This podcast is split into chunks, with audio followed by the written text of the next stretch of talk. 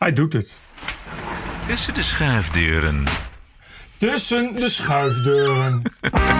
This is the TPO Het podcast. verlies van Oranje is een harde klap voor de regenboogjournalistiek. Daarna ja, pakten wij het op, in ieder geval eh, het spel. Niet dat het heel veel in eh, grote kansen resulteerde. Nul schoten op doel, de hele wedstrijd. Ja, oké, dat. Maar eh, Lachen, gieren, brullen met Rutte en Kaag. Dat was een goed gesprek. En we hebben er zin in. Per seconde woker bij BNN-Vara. White privilege. Intersectioneel feminisme. Etnisch profileren. Aflevering 264. Ranting and Reason. Bert Brusson, Roderick Phalo. This is the award winning TPO podcast. Bert, goedenavond. Ja, hallo. Hallo, het is Bert. maandagavond. Het is maandagavond 28 juni. Ja. Oh, we hebben de kortste dag, nee, de langste dag alweer gehad. ja, is het zo? Ja, dat is eh 26, 25. Oké. En de zomer Dus moet nog nu- beginnen. Dat heb ik altijd wel Ja. het idee. Dus dat is fijn. Maar, dus- maar nu kun je weer aftellen naar kerst. God man, houd erop. Verschrikkelijk. Eh, Ik- die, die, die de- zomer moet nog goed en wel beginnen. En daar eh, verheug ik me enorm op. En de, de vierde golf natuurlijk. Oh ja, de vierde golf. Nou, Als er dan, als dan eh, eh, het weer slechter wordt, dan eh, komt de Delta-variant weer iedereen besmetten. ja, de Indiaanse variant. Misschien valt het allemaal mee, maar misschien ook wel niet. Ik weet het niet, ik ben geen viroloog. Nee. Dus dit gesprek Gelukkig gaat alhoewel. Maar Nederland kent 17 miljoen virologen. Ja, zeker. Net als 17 miljoen bondscoaches. Zo hé. Heb je het gezien gisteren?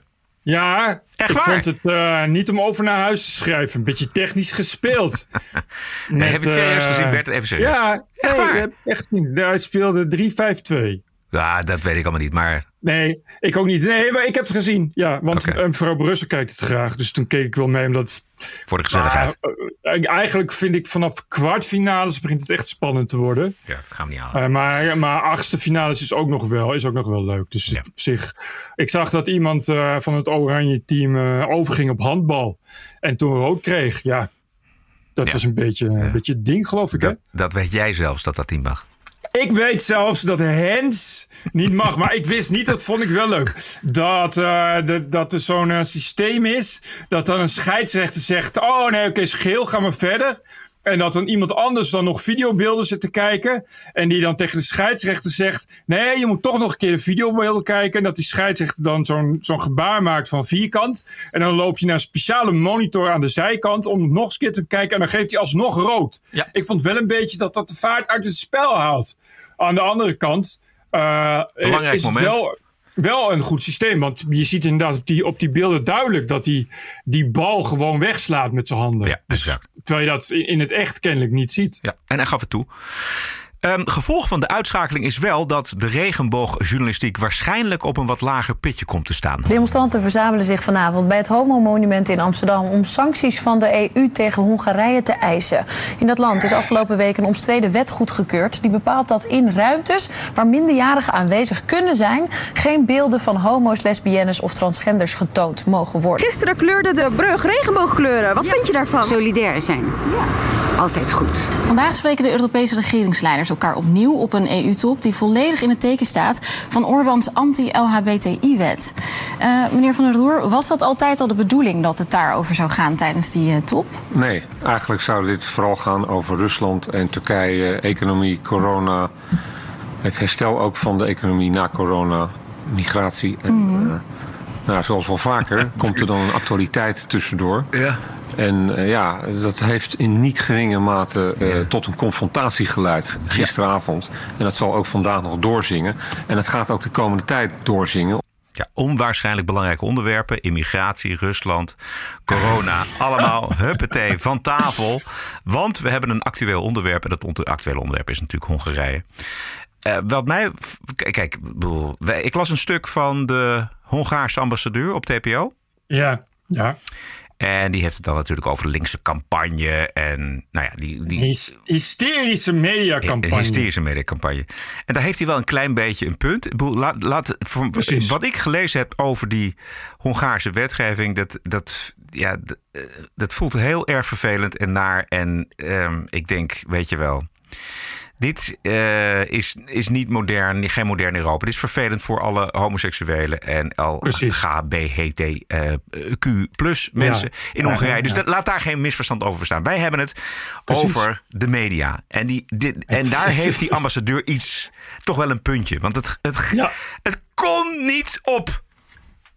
Nee, maar het, en het is ook, kijk, die ambassadeur schrijft ook van het is iets genuanceerder dan dat de media ervan maakt. Als je, als je vanuit de, nou laten we zeggen, Europese mainstream media zou moeten, moeten uh, destilleren wat er aan, de hand is in Hongarije, zou je tot de conclusie komen dat in Hongarije zo'n beetje standrechtelijk homo's worden gemarteld en geëxecuteerd. Uh, dat blijkt toch uh, iets ingewikkelder in een iets uitgebreidere wet, die bovendien, dat vond ik ook opvallend, niet alleen iets complicaties heeft voor, uh, voor homoseksuelen, maar ook voor vrijheid van meningsuiting. Want op het moment dat je uh, mensen tot 18 jaar of tot 16 jaar uh, wil vrijwaren van homoseksuele propaganda, dan, dan betekent dat dus dat je in de praktijk ook dingen moet gaan verbieden. Zoals bijvoorbeeld boeken en tv-programma's. Dus daar heb ik dan helemaal niemand over gehoord. en dan ja, maar dat is, het is echt verbijsterend hoe uh, uh, die media daar eensgezind inderdaad als een soort langdurige litanie uh, schrijft over ernstige mensenrechten schendingen. Terwijl ik heb echt nog geen één keer meegekregen inderdaad van, van, van, van wat is precies aan de hand? Ik, weet je, ik wist bijvoorbeeld niet, dat schrijft dan die ambassadeur, dat het een, een, uh, een hele lange wetgeving is. Dat, dat, dat van die homo's een onderdeel is. En ze gaan dus ook bijvoorbeeld praktiserende pedofielen strenger bestraffen. Ja. Leek mij een interessant, interessant gegeven van een, als je een grotere wet gaat maken, dat je daar ook over bericht. En het is, ja, ik, ik, ben, uh, ik ben erg benieuwd uh, ik, ik zie sterker nog, ik zie nu al uit naar de uitgebreide regenboogcampagnes uh, tijdens het WK in Qatar. Ja, zeker. Want daar, daar moet het dan zeker uh, over gaan. dat is want dat gaan we doen, toch? Dat gaan we, ja. we gaan, al die dappere mensen die nu met regenboogbandjes in de weer zijn. En, en televisieprogramma's ja. van KRO en CV die voor dag en dauw regenboogshit gaan opdringen aan supporters op Schiphol. Die gaan natuurlijk ook naar de hoofdstad van uh, Qatar. Precies. Om daar met regenboog toch toch, mensen? Ja, ja hey, Hallo, Barbara Barend, mag ik even je aandacht? Je gaat natuurlijk bij het WK, ga je ook eisen dat NOS-verslaggevers met een, uh, met een uh, One Love uh, reverre op gaan zitten. Toch, Barbara Barend? Ja, toch? Toch? En dat Qatar, dat is nog wel eventjes duizend keer erger dan Hongarije. Volgend jaar november, dan begint nou, het WK voetbal in Qatar. Ja. Um, Qatar is, staat in de top drie van gevaarlijkste landen voor homoseksuelen. Uh, homoseksualiteit is namelijk illegaal in Qatar. En je kunt er drie jaar cel plus een boete voor krijgen. Drie jaar cel. En moslims die ah. betrapt worden op homoseksualiteit kunnen de doodstraf krijgen. Alles op het gebied van LGBTQ uh, eh, is verboden. Net als de regenboogvlag. Dus dat wordt een interessante smokkel als het protest moet doorgaan. En laat het geen excuus zijn. Ja, Richard de Mos die heeft al voorgesteld om uh, niet in het oranje te gaan voetballen tijdens het WK in Qatar, maar om roze shirts aan te trekken. Dat lijkt mij een goed plan. Ja. Ik zou denk ook wel dat zo'n dappere Wijnaldum, mocht Nederland worden geplaatst, dan natuurlijk ook weer een uh, one love uh, tegen uitsluiting en discriminatie en racisme zal gaan dragen ja. als protest. Ja. Kan bijna niet anders. Ja.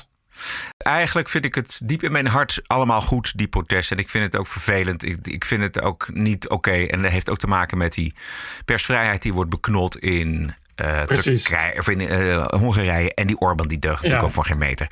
Maar, wat, het punt is, mijn punt, is die hypocrisie van, van de media. Dus er, worden namelijk in Nederland gewoon nog steeds homostellen uit Amsterdam en uit andere steden weggepest. En dat laten we gewoon ja. gebeuren. Helaas is het hier in Eiburg weer raak. Dominee Alexander Noordijk die is weer belaagd voor zijn kerk. Dat moet toch niet meer kunnen in 2021? Kom op nou. Ik kwam daar vandaan uit die deur en ik liep eigenlijk zo. En ik denk nou prima, ik loop er omheen. Maar toen een van deze jongeren die, die hield mij aan gelijk zo van... hé, uh, hey, schrik je niet van me? Ja, dit is een uh, homoseksuele pastoor waar dan de buurt wel een soort regenboogvlaggenactie op touw zet. Maar we hebben het hier dus over iemand die wordt weggepest uit Amsterdam. Uh, hij is volgens mij naar Purmerend gegaan. En dat laat dus een stadsdeelkantoor en de centrale stad laat dat gewoon gebeuren. Een Halsema laat dat dus gewoon gebeuren. En ik vind, als je echt gepassioneerd en terecht strijdt voor gelijke rechten en bescherming van deze uh, anders geaarden, om het maar zo te zeggen, dan moet je hier een grens trekken. Dan moet je zeggen: dit pikken wij niet, jij blijft hier wonen en we gaan die gasten aanpakken. Ja, precies. Weet je, terwijl uh, in Hongarije heb je gewoon uh, gay bars en zelfs een gay pride.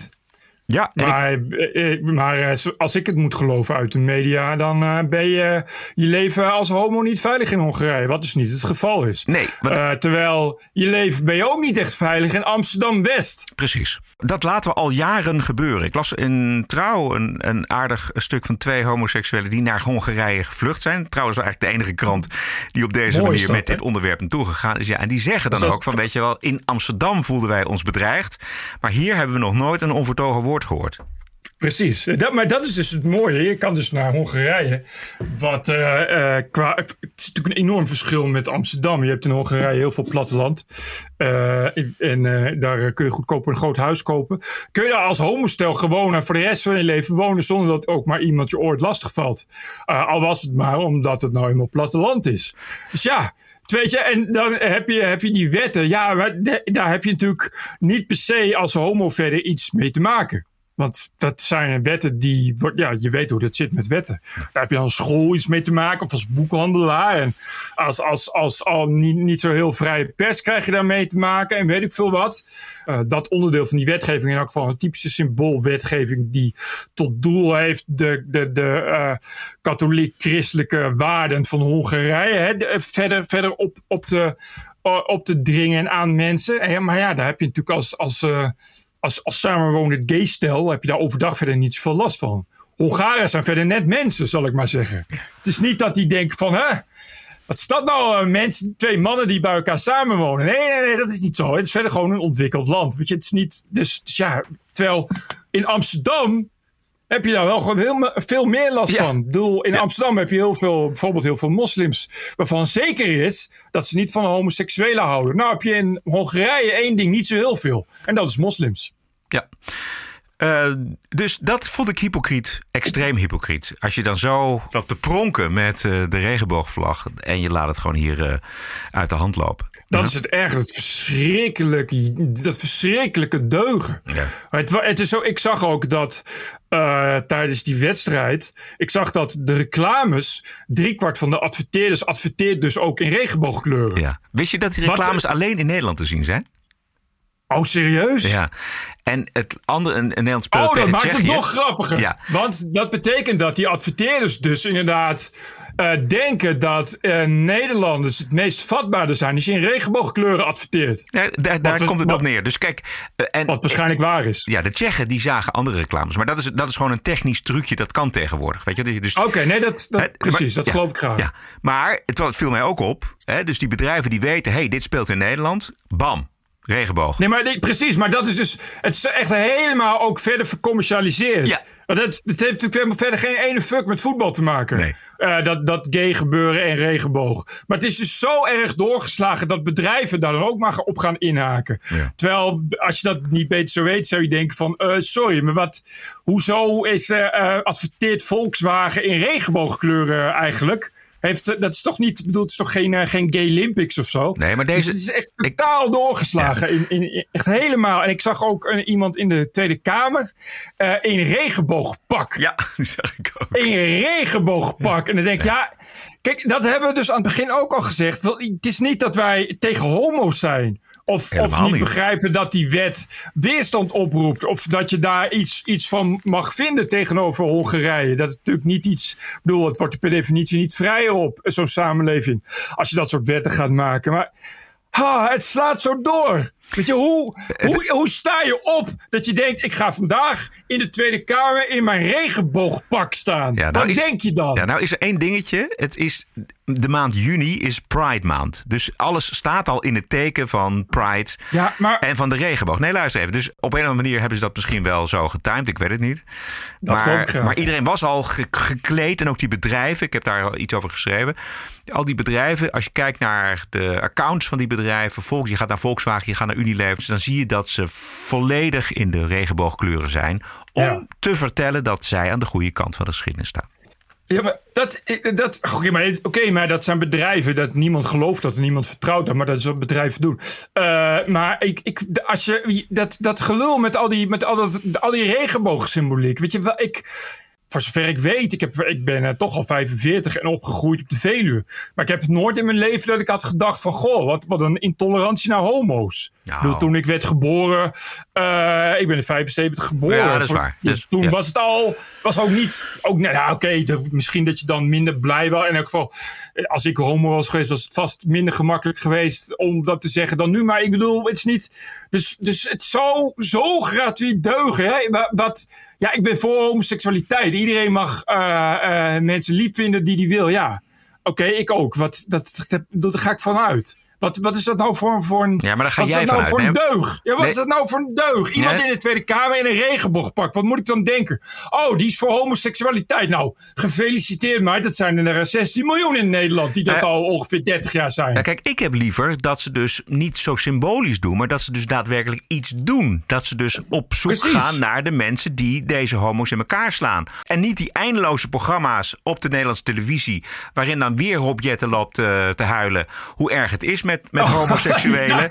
Maar dat hij nou eens een keer wat gaat doen. Dat die partij nou eens een keer concreet dingen gaat doen. En dat geldt ook voor die mevrouw in, het, eh, in de Tweede Kamer. Doe iets concreets en, en laat het niet bij dat, die laffe symboolpolitiek. Nee, of. Kijk, de enige die, vind ik, symboolpolitiek mag bedrijven is Kautar. Kautar met een regenbooghoofddoekje. Dat vind ik, dan, daar, daar, zou ik, daar zou ik respect voor hebben. Of Kautar in een regenboogpak. Dat zou ik mooi vinden. Dat, en ik, ik verbaas me dat het nog niet is gebeurd. Want Kautar die zegt dat ze altijd heel erg voor gelijkheid is. En vooral gelijkwaardigheid. Dus Ja. het kan bijna niet anders. Of die komt toch eh, vroeg of laat dan door met eh, gelijkwaardigheid voor homoseksuelen, toch? als je dan kijkt naar een Unilever die dan helemaal in regenboogkleuren is, die wel zijn mond houdt over homoseksuelen die worden opgehangen in Iran, waar zij een fabriek hebben. En daar hun mond Ja, over houden. precies. Dus dat deugen, daar heb ik een bloedhekel aan. Ja, nou goed, maar goed, het, het is dus inderdaad dezelfde hypocrisie dat we wel met z'n allen naar Qatar gaan. Ja.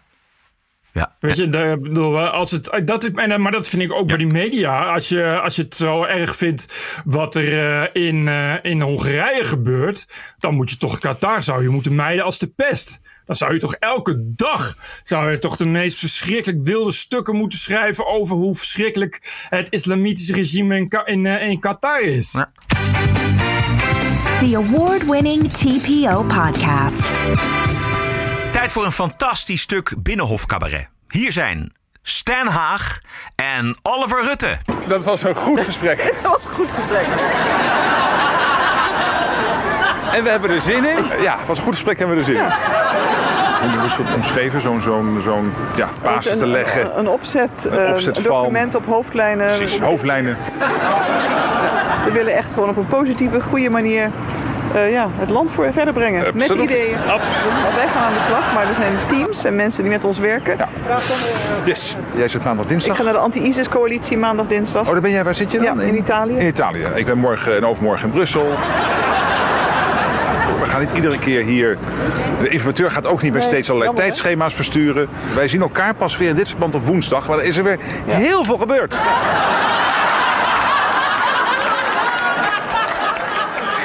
Heb je gezien, Jut en Jul?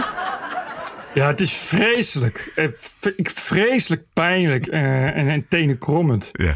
Wat, wat was Ja. daar meteen comment aan, wat jou betreft? Ja, omdat het, het- dat het er gewoon een beetje zo staat van we moeten wel. We moeten toch iets. Dus, dan, dus, dan, dus dan doen we dit maar een soort semi-luchtig of zo. Weet je, het is gewoon, gewoon, net, gewoon net niks. Ja, is de- het. de luchtigheid- Zeg dan niks, loopt dan door. Ja, de luchtigheid zat er wel degelijk in. Maar het, het filmpje was ook gemonteerd. Dus het kan ook zo zijn dat er serieuze antwoorden zijn uitgeknipt en dat alleen Ja. dit overbleef. Dat zou ook kunnen. Maar het ging eh, toch wel viraal via de Twitters.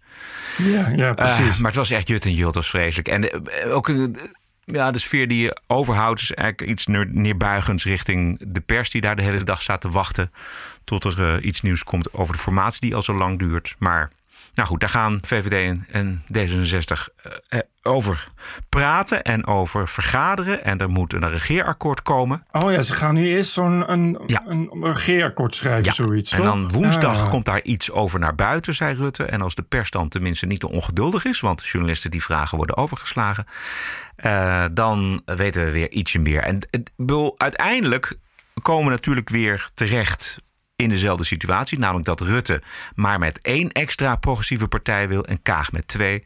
En dan zitten we gewoon toch weer gewoon op de, op de, op de positie eh, die we al weken hebben, namelijk Kaag wil een zo progressief mogelijk kabinet, Rutte niet. That's it. Nee, precies. Maar dan zitten we dus nog steeds op de positie eh demissionair kabinet, dag zo 100 zoveel. Een soort van Zweden en Italië en België, weet je dat idee. Ja, heeft België eigenlijk al een eh, regering? Dat weet ik niet. Ik weet echt, eh daar ben ik al helemaal al heel lang geleden mee gestopt. Want volgens mij als België wel een regering heeft, dan is het ook niet echt een regering. Ik las vandaag een mooi stuk in de, in de, in de Economist, eh, waarin eh, België als failed state die toch nog succesvol is. Die, De fa- failed state, eh, maar wel waar ze, waar ze eh, gebruik maken van de typische Belgische zen-methode. Dat ze het allemaal over zich heen kunnen krijgen, omdat ze al eeuwenlang gewend zijn. ja, altijd alleen maar ellende. En zolang, eh, zolang dat geen major catastrophe wordt, kunnen ze dat allemaal overleven. Maar dit is, maar het werd natuurlijk ook keurig uitgelegd hoe het zit. Maar België heeft dus inderdaad echt voor, voor elk district een, weer een eigen parlement. En voor elke taal een eigen parlement. En voor elke laag komt er weer een laag bovenop. En ja, eh, België is, dat is dus altijd geweest. Het is natuurlijk een volstrekt onbestuurbaar land. Een failed state is het. Onformeerbaar, ja. Het is gewoon niet te doen. Nee. En dat zag je ook nu weer met die, met die eh, daar ging dat stuk nog met die, met die militair die gewoon de meest zware wapens fluitend uit de kazerne kan trekken. Ja. eh, om vervolgens wekenlang niet gevonden te worden. Ja, de, typisch België. Precies. Die- Uh, Jihadisten die trainen ook altijd in de Ardennen. Met wapens en zo. Dat is allemaal prima, dat, dat, dat- omdat ze daar niet worden opgemerkt. De België is ook een land wat eigenlijk niet bestaat, inderdaad. Volgens mij zegt Henk Westbroek van het goede doel dat. En het is ook niet voor niks dat, dat mensen als Guy Verhofstadt eh, zo graag ehm, eh, willen opgaan in Europa. Omdat ze helemaal niet weten wat het is om in een normale, normaal land, normale natiestaat te wonen. Precies.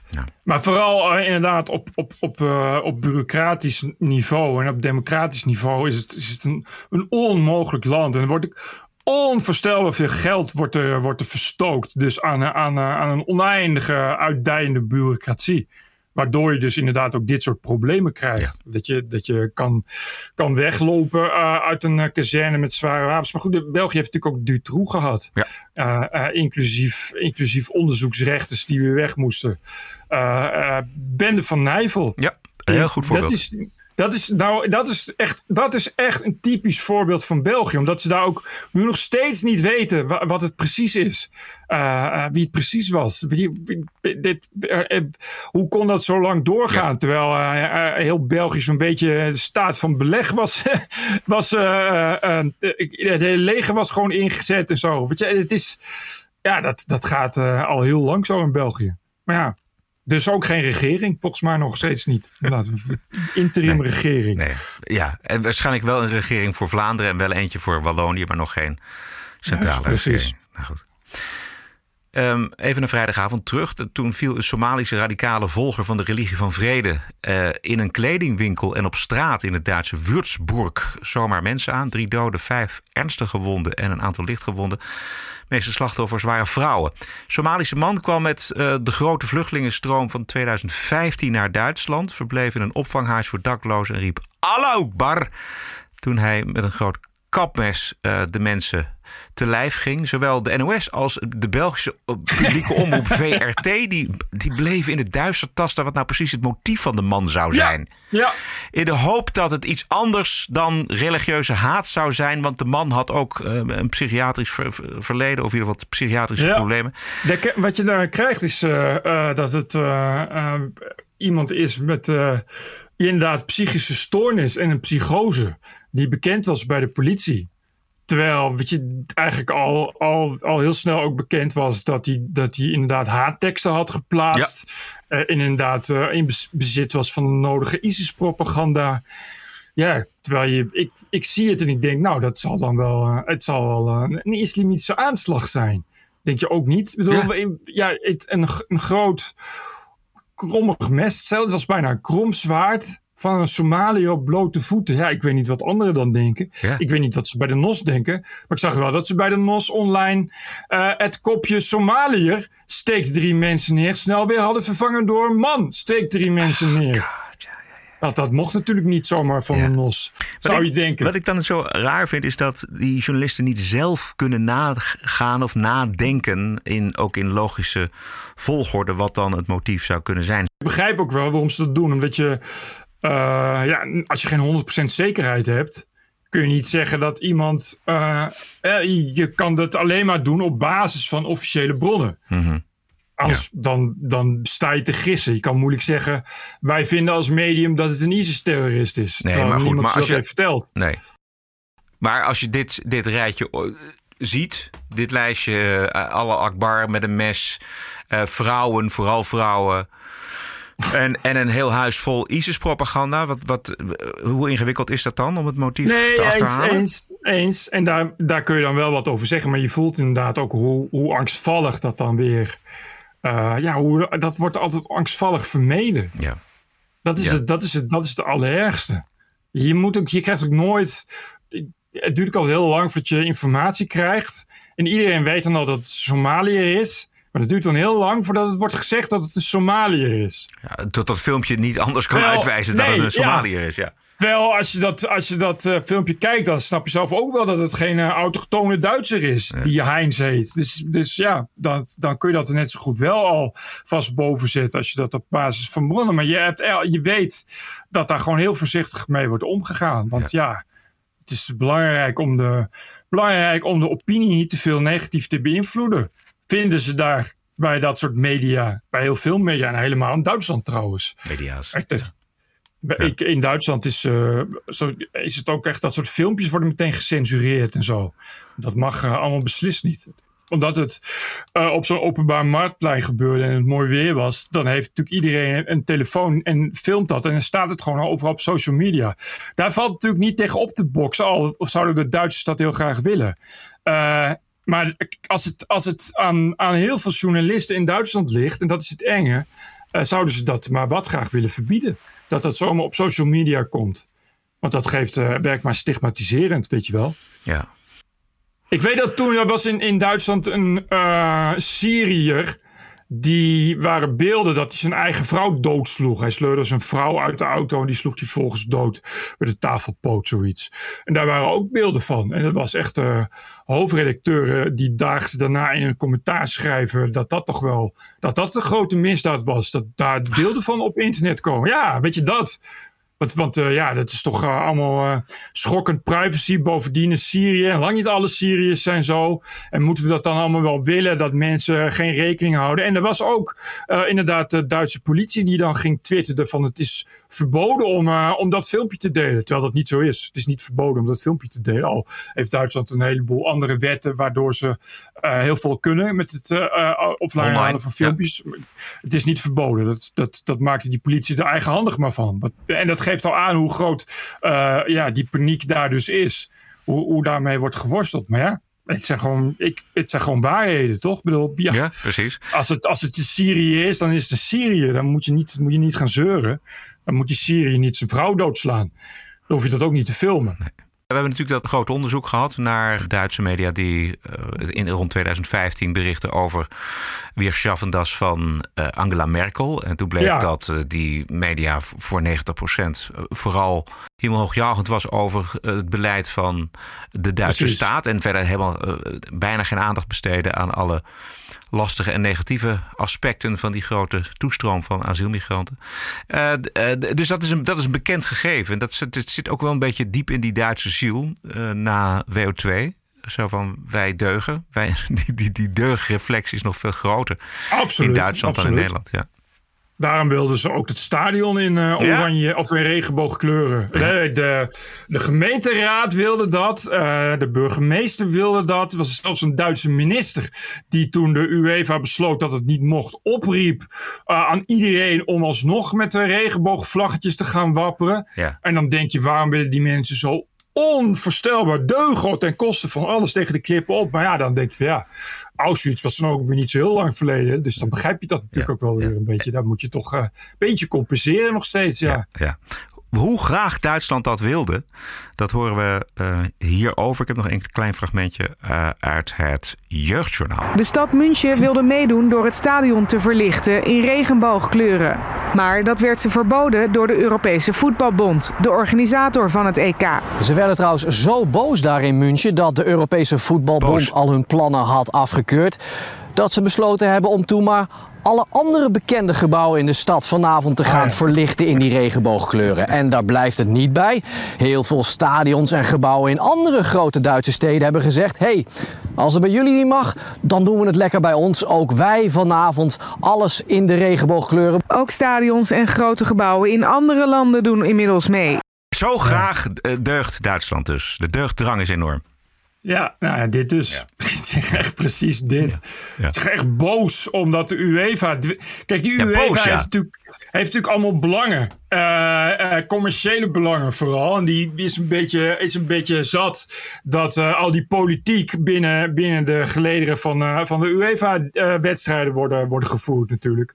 Want ja, je, kijk, ja, je hebt daar. Je, de UEFA is, UEFA is verder geen deugdclubje, zou ik maar zeggen dan druk ik me mild uit. Ja. Uh, ja. Ja, nee. ja, dat, je daar dan, dat je daar dan boos op wordt. Terwijl, ja, het, ik, ik kan me niet voorstellen dat uh, die Orbaan of, uh, of de kiezers van Orbán heel erg van wakker liggen.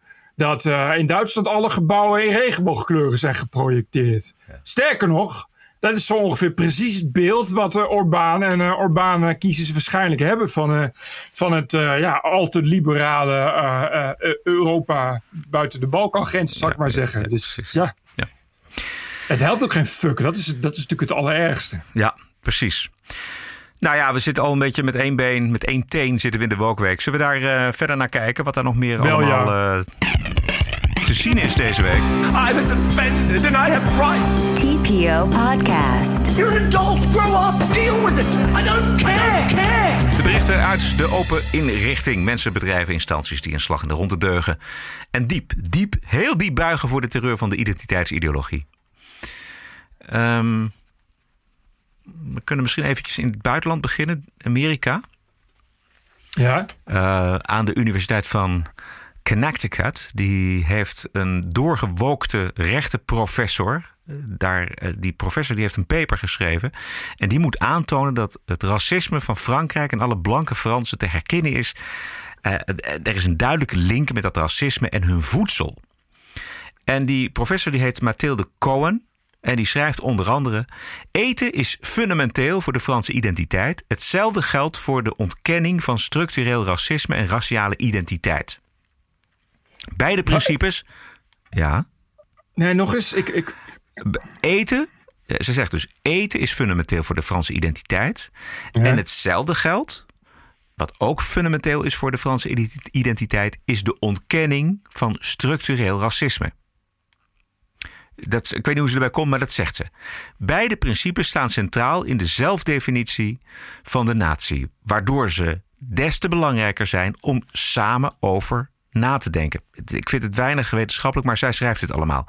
Dit artikel beweert een vorm van Franse voedselwitheid te identificeren en te bekritiseren. Dat wil zeggen het gebruik van voedsel en eetgewoonten om witheid te bevestigen en te versterken als een dominante raciale identiteit. Oftewel, met eten proberen de Fransen andere volken, andere culturen binnen Frankrijk en daarbuiten te domineren. Ja, ja. Dat is het. Okay. En ik heb okay. die uh, roomblanke professor gevonden en dit is er. I'd like to tell you about the idea of food whiteness in French culture. Food whiteness. By this I mean the use of food to reinforce whiteness as a dominant racial identity. The French meal is often presented as a national ritual to which every citizen can participate equally. But French foodways are shaped by white, middle, and upper class norms. En dan volgde dus een, een hele rij klachten over kantine eten en over geen of weinig kosher of halal vleeswaren in die kantines. Je kent die discussies wel, die Ja, zijn ja, ook in ja, Nederland. ja. En dan zegt de professor dat het verkrijgen van het Franse staatsburgerschap door immigranten inmiddels niet meer afhankelijk is van de huidskleur. In koloniale tijden wel, maar tegenwoordig niet meer. Maar dat de eetgewoonten en boodschappen doen in de supermarkt daarbij wel een rol spelen. Officially today, immigration bureaucrats no longer consider racial performance. However, the requirement that applicants for naturalization demonstrate their Republican integration into French society has been applied racially, in particular to exclude Muslims. For example, some courts have considered whether female applicants grocery shop on their own or with their husbands, and whether they practice gender segregation at the dinner table. To conclude, current laws marginalize racial and ethnic minorities through the elevation of white French eating culture as the high status, legally protected way of eating. Ik zou het in mijn woorden willen samenvatten, concluderen dat moslims en andere gemarginaliseerde groepen de lul zijn omdat de Fransen uiensoep, stokbrood, kaas, wijn, bœuf bourguignon eten. Dat is, Ja, dat is haar peper. Ja, precies. Dus, dus eh, zomaar even een gezellig avondje eh, bœuf bourguignon en, eh, en escargot met, een, met een beetje pinot erbij is, is, is gewoon best wel racistisch. Precies. Het is echt een flinke, echt een flinke duw naar de allochtone gemeenschap. Ja. Om niet te zeggen, toch wel eigenlijk al een soort van lid zijn van Front Nationaal, Nou, zoiets. exact. Terwijl de laatste keer dat ik in Parijs was, waren daar restaurants uit alle uithoeken van de wereld. Supermarkten, honderd keer zo groot als de grootste supermarkten in Nederland. Met alles erin. Halal, kosher winkels. Dus ik vroeg me af, waar heeft dit mensen het over? Maar er is de, ehm, ja, zij woont in een, eh, in een ivoren toren waar ze niet zo heel vaak uitkomt, vrees ik. Nee, maar die, die, die- dit is dus wetenschappelijk. Dit is dus een, dit is een paper. En die paper die wordt dus gepubliceerd. En daar schrijven kranten over. Klaas Jager kwam er mee in de Twitterlijn. Ja. En, en dan opeens is het debat dat het eten, de eetgewoontes van de Fransen racistisch zijn. Ja, te wit, te blank, Ja, ja. blanke eetgewoonten. Ja. Terwijl, eh, ja, ik, ik weet niet, ja. Ik, het is, het is, ik probeer eh, woorden te vinden, maar dat, Nee. dat lukt niet zo, denk ik. Het, het, het, volgens haar speelt het natuurlijk ook niet alleen in Frankrijk. But this is not just an issue in France, given that French food is in many countries a model for culinary technique and fine dining.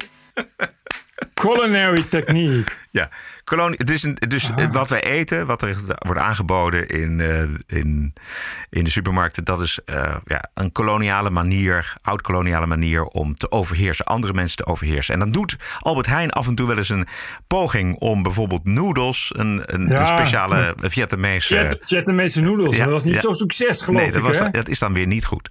Nee. Nee, ja, goh. Nee, ik, wa- wat, eh, professor in wat is deze mevrouw? Ja, in rechten, rechten en voedsel. En ik heb nog een paar andere papers van haar opgezocht. Eh, Rechten en voedsel. Ja. Ah. En die papers, die, ik noem alleen even de titels. De wet van de placenta over recht en feminisme. Of een andere paper van haar is regulerende melk. Vrouwen en koeien in Frankrijk. Dit klinkt als, als een heel belangrijke, eh, heel belangrijke evidence-based wetenschap. Moet moedermelk worden gereguleerd? Ja, het is, dit is een. Het is heel die- goed dat dit, eh, ja. Ja, die, nee, zit- die is op een postzegel bezig met haar eigen interesses volgens mij. En eh, vindt daar dus wetenschappelijke consensus over met haar papers. En publiciteit Jij zegt- bovendien. Jij zegt de hele tijd haar, maar is Ja, het, het is heb je haar. al gevraagd of, of Oh niet. Hen, hen is? Ja, Ze heet Mathilde. Mathilde! ja maar goed. Dat Ja, je weet het maar nooit. We zijn er wat tegengekomen. Ja, aan de Brandeis University in het beroemde Waltham. Dat ligt in Massachusetts. Oh ja, natuurlijk. ja. Ja, in eh, Massachusetts dus. eh, hebben ze eh, uiteraard heeft de universiteit een Prevention Advocacy and Resource Center. Uh, en dat center dat uh, doet dus uh, ja, gewoon dingen bedenken over wat wel en niet kwetsend is. Je kent het allemaal wel. En die zijn nu gekomen met een nieuwe voorstel voor nieuw inclusief taalgebruik. En dat is op zich ook al niet zo heel spannend, want dat doen de meeste universiteiten tegenwoordig. Maar deze is wel heel grappig, omdat ze bijvoorbeeld voorstellen om voortaan het woord trigger warning niet meer te gebruiken, maar te vervangen door content note. Want het woord trigger uh, doet denken aan vuurwapens. En er zijn dus mensen die uh, last hebben gehad van vuurwapens en kunnen daardoor dus, ik zou eigenlijk willen zeggen getriggerd, worden getriggerd, maar dat mag je dus niet zeggen. Daar kunnen mensen dus uh, door gekwetst raken. Uh, dus is het uh, misschien een beter idee om voortaan trigger warning af te schaffen en, te en voortaan content note te gebruiken. Ja, weet je maar, wat? Ja. Nee, ik ga het even afmaken. Ja, maak het want af, het, is, het is zo bizar dat, je, dat het eigenlijk even in één keer door, Ja. anders, anders is het Ja, niet meer te doen. Ehm, het woord picknick van picknicken moet ook worden afgeschaft. Nou denk je misschien omdat picknicken, wat we net hoorden, gewoon een beetje eh, blank racistische eetgewoontes zijn. Nee, maar dat is dus niet zo. Picknicken wordt geassocieerd met het lynchen van zwarten. eh, in de donkere jaren van de Verenigde Staten. En eh, nou, vroeger deden ze dat toch wel eens. Zwarte lintje, vooral in het zuiden. En dan kreeg je dat blanke onderdrukkers gingen dan eh, daarbij kijken en gingen tegelijk picknicken. En daarom is het woord picknick, eh, ja, dat kan gewoon niet. Dat is eigenlijk heel racistisch. Rule of thumb kan ook niet. Naar schatting. Nou, naar schatting. Dus, dus we zeggen altijd. eh, maar als je het zeker wil weten, moet je het niet de rule of thumb nemen, moet je het gaan nameten. Eh, anyway, rule of thumb mag ook niet weer worden gebruikt. Dat, waarom niet? Ik dacht nog van ja, dat heeft dan te maken met het onderdrukken, onder de duim houden, maar dat is niet zo. Dat komt, dat de rule of thumb is oorspronkelijk afkomstig, afkomstig van een hele oude Britse wet. Eh, en die wet gaf mannen toestemming om hun vrouw te slaan with sticks no wider than their thumb. En daar zou dan de rule of thumb vandaan komen. Dus als je dan het woord rule of thumb gebruikt, ben je eigenlijk een gemene vrouwenmapper. Dus dat is seksistisch. Wat mij nou het meest fascineert is dat dit natuurlijk woorden zijn waar niet de mensen die het wer- daadwerkelijk betreft een bezwaar tegen maken. Maar dit zijn zulke ver weggestopte in de historie verborgen situaties. Die laatste bijvoorbeeld, hè? die rule of thumb, helemaal ver weggestopt. Dat alleen een professor of iemand die op een academie die daar helemaal eh, eh, zijn hele leven naar zoekt het, en het vindt. En dan aankomt met om voor anderen te spreken dat het anderen zal kwetsen. Dus die, die, die Precies. hele lange lijst van wat we allemaal niet meer mogen. Dat wordt allemaal bedacht op de universiteiten en academies. Daar- Precies. Ja. precies. Nee, maar dat is ook het mooie. Er is natuurlijk geen zwarte in de hele wereld die ooit gekwetst was bij het woord picknick. Nee. Ik had er ook nog nooit van gehoord dat dat nou te maken zou kunnen hebben met het lintje van, eh, van zwarte. Dat is volgens mij ook totale nonsens, maar goed. Eh, dus iemand anders bedenkt dus al voor de zwarte eh, waar ze eventueel door gekwetst zouden kunnen raken als je heel goed zoekt. Dus iemand anders is dan voor jou eh, de hele dag op zoek waar je, eh, als je dat graag zou willen, en wie wil dat niet, door gekwetst zou kunnen raken. En dat is dan vaak door een connectie, nou, zoals die rule of thumb, dat je denkt van zo, dat is nauwelijks een hele lange stap om die twee aan, aan elkaar te verbinden. Ja. Maar het mooie is wel dat op het moment dat ze het zeggen, dat er dus weer hele volkstammen zijn die zeggen, oh, nou ben ik gekwetst. Ja, ja. Goed dat je het zegt, nu ben ik gekwetst. Precies, omdat het, omdat het slachtofferschap iets oplevert. eh, aandacht of geld of reparatie, wha- whatever. Maar het is een, inderdaad een hele kleine woke minderheid op eh, universiteiten die, die deze lijst met trigger warnings, om toch maar even nog dat woord te gebruiken, ehm, heeft opgesteld de afgelopen jaren. Heeft allemaal met macht en politiek te maken. Verder met verder niks. Ja, ja nee, het is, dat heeft 100% te maken met macht. Dat heeft te maken met het controleren van de taal. En dat is de opmaat met het controleren van de gedachten. Juist. Uh, oh, ik, oh ja, nou, ik, de lijst verder is, staan dingen op als killing it en take a shot at. Nou, die, daar kun je nog wel... Ja, niet, niet, dat je dat dan moet verbieden, maar dan weet je in elk geval waar het vandaan komt. En, en steeds vond ik wel weer leuk. Go off the reservation. Ja. Dat, is, is, dat is als je, uh, als je niet eens bent met de rest van de groep, zeg je I'm off the reservation. Ja. Uh, ja, dat kan natuurlijk niet. Reservation, reservaten, dat oh. zijn, voor, zijn voor Indianen. Oh, ik, sorry, ik bedoel indig American Indigenous People. Uh, en ik lees hier, dat is wel grappig, dat picnic gewoon uh, van het Franse woord picnic komt. Dus ah. het, is gewoon, het is gewoon... Picnic is derived from the French word picnic, originally used to describe the taking of one's own wine to a meal. Dus dat is gewoon gelul ook van, de, van dat slaven. Dat, dat is dus toch wel ernstig, hè? Maar zaten de Fransen dus... ook niet in het zuiden van de Verenigde Staten? Waren zij ook geen slavenhouder? Ja, nee, we sla... Fransen waren natuurlijk ook racisten. Allemaal racisten, want het zijn allemaal blanken. Dus dat maakt dan ook niet uit. Maar ik bedoel, uh, het is toch ernstig dat, uh, dat er echt zo wordt gezocht... dat er ja. niet meer naar connecties wordt gezocht... maar dat connecties nu gewoon worden bedacht. Dus alles om maar gewoon toch ja. inderdaad ja, die taal onder controle te houden. precies. Maar dat is het mooie van de Wokweek hier bij de TPO podcast. Dat we dat iedere week, twee keer per week duidelijk maken wat er aan de hand is. Uh, taalbeheersing, uh, de baas over woorden. Dit is een prachtig voorbeeld daarvan. Ja, taalbeheersing is, taal is... Taal is denken, taal is werkelijkheid. Op het moment dat je de taal controleert, controleer je ook de werkelijkheid. En controleer je ook, ook, ook iemands gedachten. Want ik moet, uh, je moet, om, om voordat je kunt zeggen ik ga picknicken, moet je eerst denken over picknicken. En op het moment dat je mensen weten dat het woord picknicken verboden is, verbied je jezelf ook om te denken aan picknicken. En dat is dus waar het om gaat. En op het moment dat je uh, die gedachten van mensen onder controle hebt, kun je die invullen met andere gedachten. Daar is het om te doen. Precies. Dat, daar, dit is gewoon uh, uh, handleiding Marxisme 101. Daar is het om te doen. Precies. Dat je mensen uh, uh, ja, dan heb je mensen volledig onder controle. En dan kun je ze uh, volgieten met alles waarvan jij wil dat ze gaan denken. Ja. Ander voorbeeld is, voor de hand liggend voorbeeld, is dat, dat wij sinds een aantal jaren het niet meer hebben over blanke mensen, maar over witte mensen. Weet je, dat is, dat is ja, echt precies. ons opgelegd. Terwijl we al honderd jaar blanke mensen zeggen. Er zit dan een gedachte achter. Ja, ik heb geen zin om daarbij neer te leggen. Dus wij hebben het over nee. blanke mensen. Nee, maar dat is precies wat er dus gebeurt. Dat is dus dat je, dat je, dat je aan iets anders gaat denken. Ja. Je denkt dan namelijk niet meer aan blank. Je denkt aan wit. En dat is, dat is, wit is een heel ander concept dan blank. Ja. Uh, en dat is de bedoeling. En op het moment dat mensen daar. En dat, dat zie je dus ook gebeuren. Op het moment dat dat soort dingen worden ingevoerd. Want alle MSM schrijven al heel lang wit ja. in plaats van blank.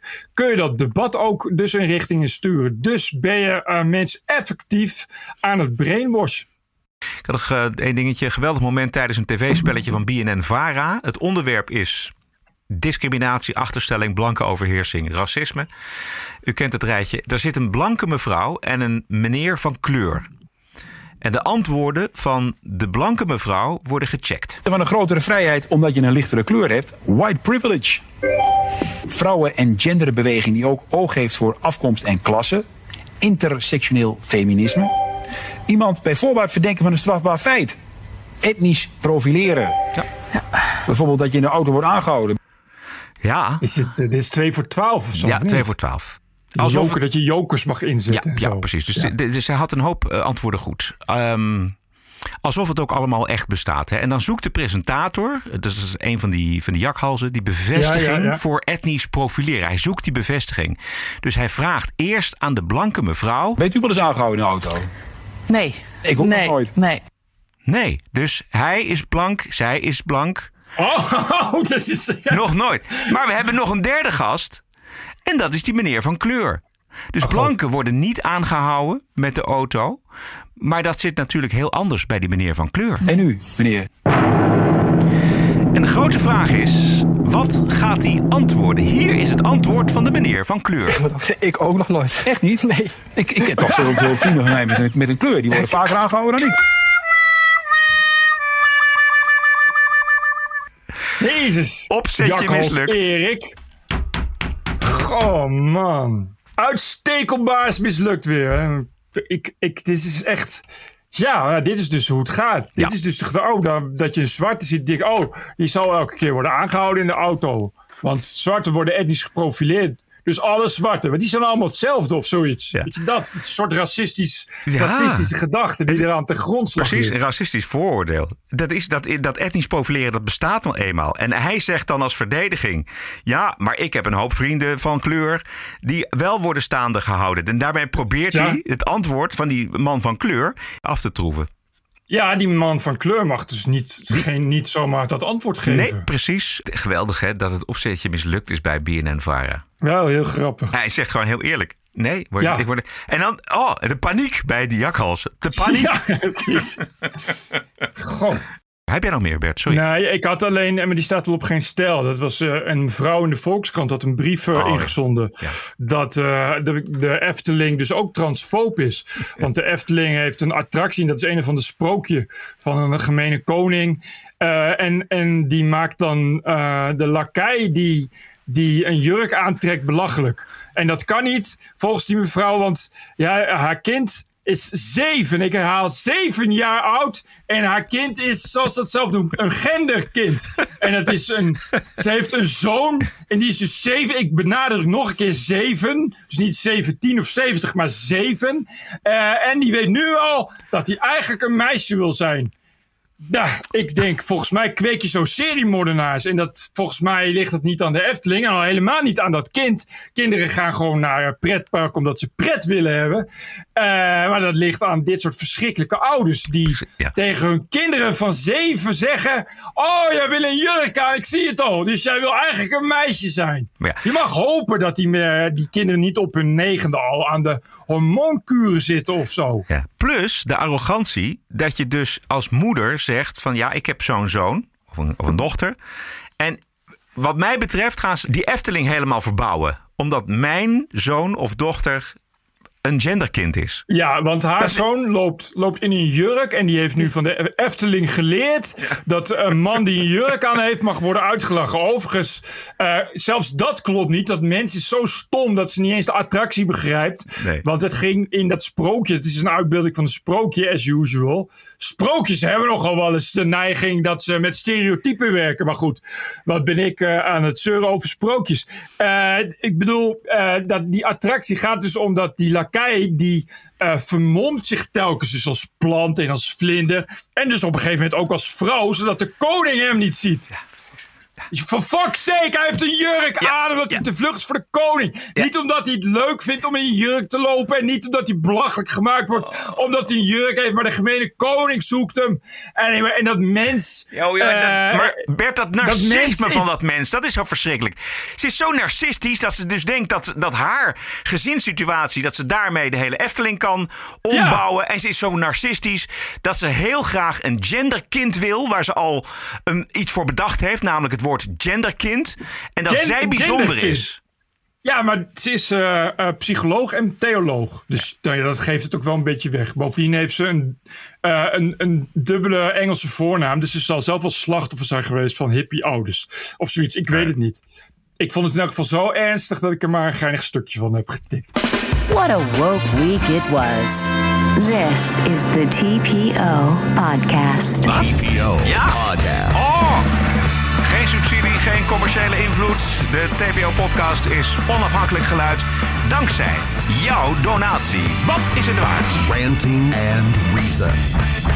Elke maandagavond kijken wij hoe de TPO-podcast in de markt ligt. We hebben, nou, volgens mij wel 10, 20.000 luisteraars per week. Heeft Bert ooit een keer uitgerekend. En dat zullen er onge- ongetwijfeld meer zijn. We krijgen heel veel reacties. Maar de vraag is, wat is het nou voor jullie waard? Wat, eh, weet je, wat, als het er nou niet is, is dat, is dat dan jammer? Eh, eh, wat, wat zou je ervoor geven? 1 euro per aflevering, misschien wel 2 euro's of misschien wel 100 euro per maand of 500 euro per jaar. Ik noem maar een paar bedragen. Je, weet, je maakt dat twee keer per week. Dus dan is het leuk om daar iets voor terug te krijgen. En daar, het is volgens mij ook leuk om daar iets voor te geven.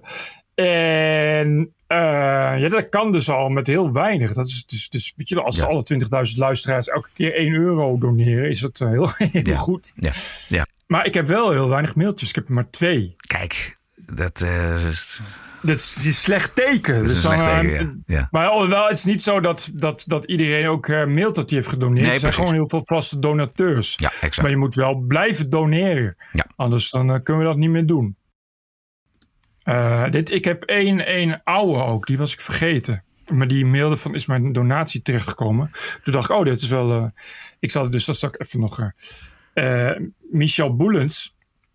Beste heren, tot twee jaar terug was ik trouw luisteraar van de podcast BNR De Wereld met de heer Hammelburg. Zijn gematigde manier van interviewen luisterde lekker weg. Maar mede door jullie ontnuchterende podcasts ontstond er toch een barst in mijn loyaliteit.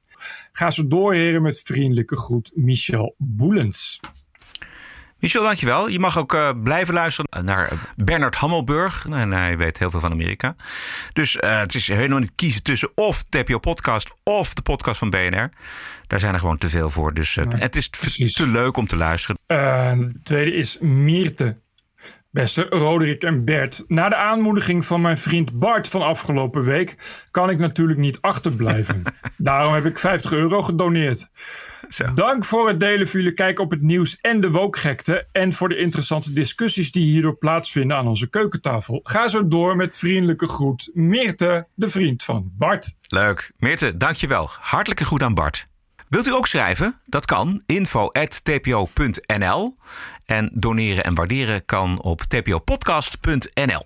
Dit is de TPO Podcast. Een eigenzinnige kijk op het nieuws en de nieuwsmedia. Twee keer per week, elke dinsdag en elke vrijdag. 100% onafhankelijk, want zonder reclame en zonder een cent subsidie.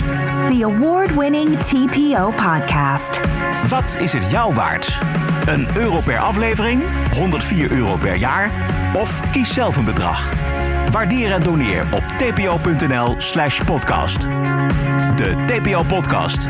Wat is het je waard? En over Amerika gesproken. TPO Podcast. Ladies and gentlemen, the president-elect of the United States. This is CNN breaking news. We have never, ever, ever, ever failed in America. It's an incredible way of putting it. Telling the truth matters. It's an incredible way of putting it. This is a Russian intelligence disinformation campaign. Why isn't Joe Biden angrier about all of this? How stupid can you be? This is a classic example of the right wing media machine. It just lacks credibility. Go ahead. De Amerikaanse president Joe Biden heeft doelen bestookt in Irak en Syrië. Eh, doelen waar eh, milities zitten die door Iran gesteund worden en Amerikaanse troepen Good morning, and this is the second time that President Biden has ordered airstrikes in this region. We are told that this is meant to send a very clear and direct message to Iranian backed militia groups that there will be serious consequences if U.S. forces continue to be threatened or attacked. Take a look at this video released overnight showing the moments these airstrikes were carried out. At this time, it's unclear if there were any casualties. Defense officials say the targets were three facilities behind recent drone attacks on American troops in Iraq. Now, the Pentagon is describing this as a defensive strike, calling it necessary to address the threat. But this escalation comes at a critical time when talks have been underway to see how to bring the U.S. and Iran back to that landmark nuclear accord deal that former President Donald Trump withdrew from. Dit is natuurlijk gewoon weer het beleid van Obama. Eh, exact. Dit zijn Die de deed drone dat- die strikes. deed dat soort dingen, ja. ja. En ehm, het is inderdaad zo dat eh, eh, Biden daarmee zijn spierballen wil laten zien. Ja. Eh, terwijl dat is iets wat dan bij Trump allemaal niet mocht. Maar bij vredespresidenten zoals Obama mag dat allemaal wel. Geen enkel probleem. Terwijl, ja, er komen gewoon mensen om bij zo'n dronestrijk. begrijp je? Natuurlijk. En het is eh, een nodeloos geweld plaatsen. Vergeet niet dat Trump natuurlijk ook die Iraanse generaal eh, naar de andere wereld heeft geholpen. Dus die, die, deed het ook al. Maar dit, dit is dan, komt weer uit- gewoon uit de, letterlijk uit de lucht vallen van waarom dit Ja. gebeurt. Er zijn ehm, gesprekken natuurlijk in voorbereiding over die eh, nucleaire deal met Iran. Ehm, maar het, de manier van een signaal afgeven, dus niet echt, ja, misschien ook niet echt een doel, maar gewoon het, het doel is het signaal afgeven. Dat is zo des Obama's. Dit is kennelijk wat eh, keurige democraten ook doen. Ja. Over Trump gesproken. De oud-president is terug op het podium. Een mass rally gisteren in Cleveland, Ohio. Joe Biden is destroying our nation right before our very own eyes. the number one priority for everyone who wants to save America is to pour every single ounce of energy you have into winning a gigantic victory in the midterms and in 2024. We will take back the House, we will take back the Senate, and we will take back America, and we will do it soon. Ja. Maar ja, wat iedereen graag wilde horen was dat Trump nog één keer een gooi gaat doen naar dat presidentschap in 2024. Hij hint er hier Ja. wel een klein beetje op, maar hij zegt niet ik ga het doen. Hij laat dat besluit nog even boven de markt hangen. Zelfs toen een van zijn trouwste metgezellen in het Amerikaanse congres erom vroeg. En dat is de man die, misschien ken je hem wel, nooit een jasje draagt. Jim Jordan. Come up here, Jim Jordan. Come up. Jim Jordan. This guy, you are so lucky to have him in Ohio. That's all I can say. Well, thank you, Mr. President. They- They've already heard from me. They want to hear from you. Mostly what they want is for you to run in 2024 and go back to the White House. Thank you all very much. He works out, and they say, You wouldn't believe this guy. He burns out the machines. The machines are catching, they're like burning out, they're smoking. But you know, the reason he never wears a jacket? Because he's in great shape, okay? He's in great shape. I say, Jimmy, you ever wear a jacket? No, he feels comfortable this way. Me, I'd rather wear a jacket. Most of you, I think, would rather wear a jacket. But he's a great person. He's tough and he's smart and he's uh, incredible. So thank you both. And Marjorie, thank you very much for being here. We appreciate it. Thank you. De leukste gedeelten zijn altijd als hij ad-lib gaat, als hij gaat verzinnen, als hij eh, eh, van het script afgaat. Maar de, eigenlijk de hele bijeenkomst was vrijwel volledig van het script. En dat is dan toch een stuk minder leuk om naar Trump te luisteren. En hij zei dus niet van oké, hierbij kondig ik mij aan. Ik ga voor dat presidentschap in 2024. Maar hij is in elk geval nog niks van zijn energie verloren. Nee, dat niet. Nee, nee. Of, eh, Nee, Van zijn strijdlust. Precies. Dus eh, dat, je ziet het hem zo doen. En toen dacht ik van ja, wat zouden wij daarvan vinden? Wat vind ik ervan als hij nou weer probeert? Ik vind, ik, vind ik, de basis vind ik toch altijd dat het leuk is dat hij het doet. En ik vind dat er een hoop mensen in Amerika eh, dat graag willen. Dat vind ik ook belangrijk. Als hij de verkiezingen wint, dan wint hij de verkiezingen. Het enige eh, echt problematische vind ik toch dat hij die verkiezingen nog steeds niet erkent, zijn verlies. Precies. En dat hij ook niet echt afscheid neemt van eh, ja, de bestorming van het kapitool. Wat Nee, ook- dat is inderdaad... eh, Maar ik, op, ik zou het wel leuk vinden. Het ondanks ondanks dit, ge- ondanks die twee. Ja. ja, ja. Het staat wel garant voor leuke campagnes. Ja, zeker. Ja. Ja. Hij geeft ook nog een sneer naar de progressieve media die hem zo mist. Dat de ratings Ah, ja. zo in elkaar gedonderd zijn. Heel goed. En dan zegt Heel hij, goed. En hij zegt, goed. you missed me, you missed me, I know you missed me. Dit eh, was het? Ja, ik geloof het wel, hè? Ja. De TPO-podcast is te vinden op onder meer Spotify, Apple Podcast, iTunes en natuurlijk eh, tpopodcast.nl. Zeer veel dank voor de ondersteuning, aflevering 264. De post, daar, die kan naar info.tpo.nl. En waarderen en doneren kan op tpo.nl slash podcast en op tpopodcast.nl.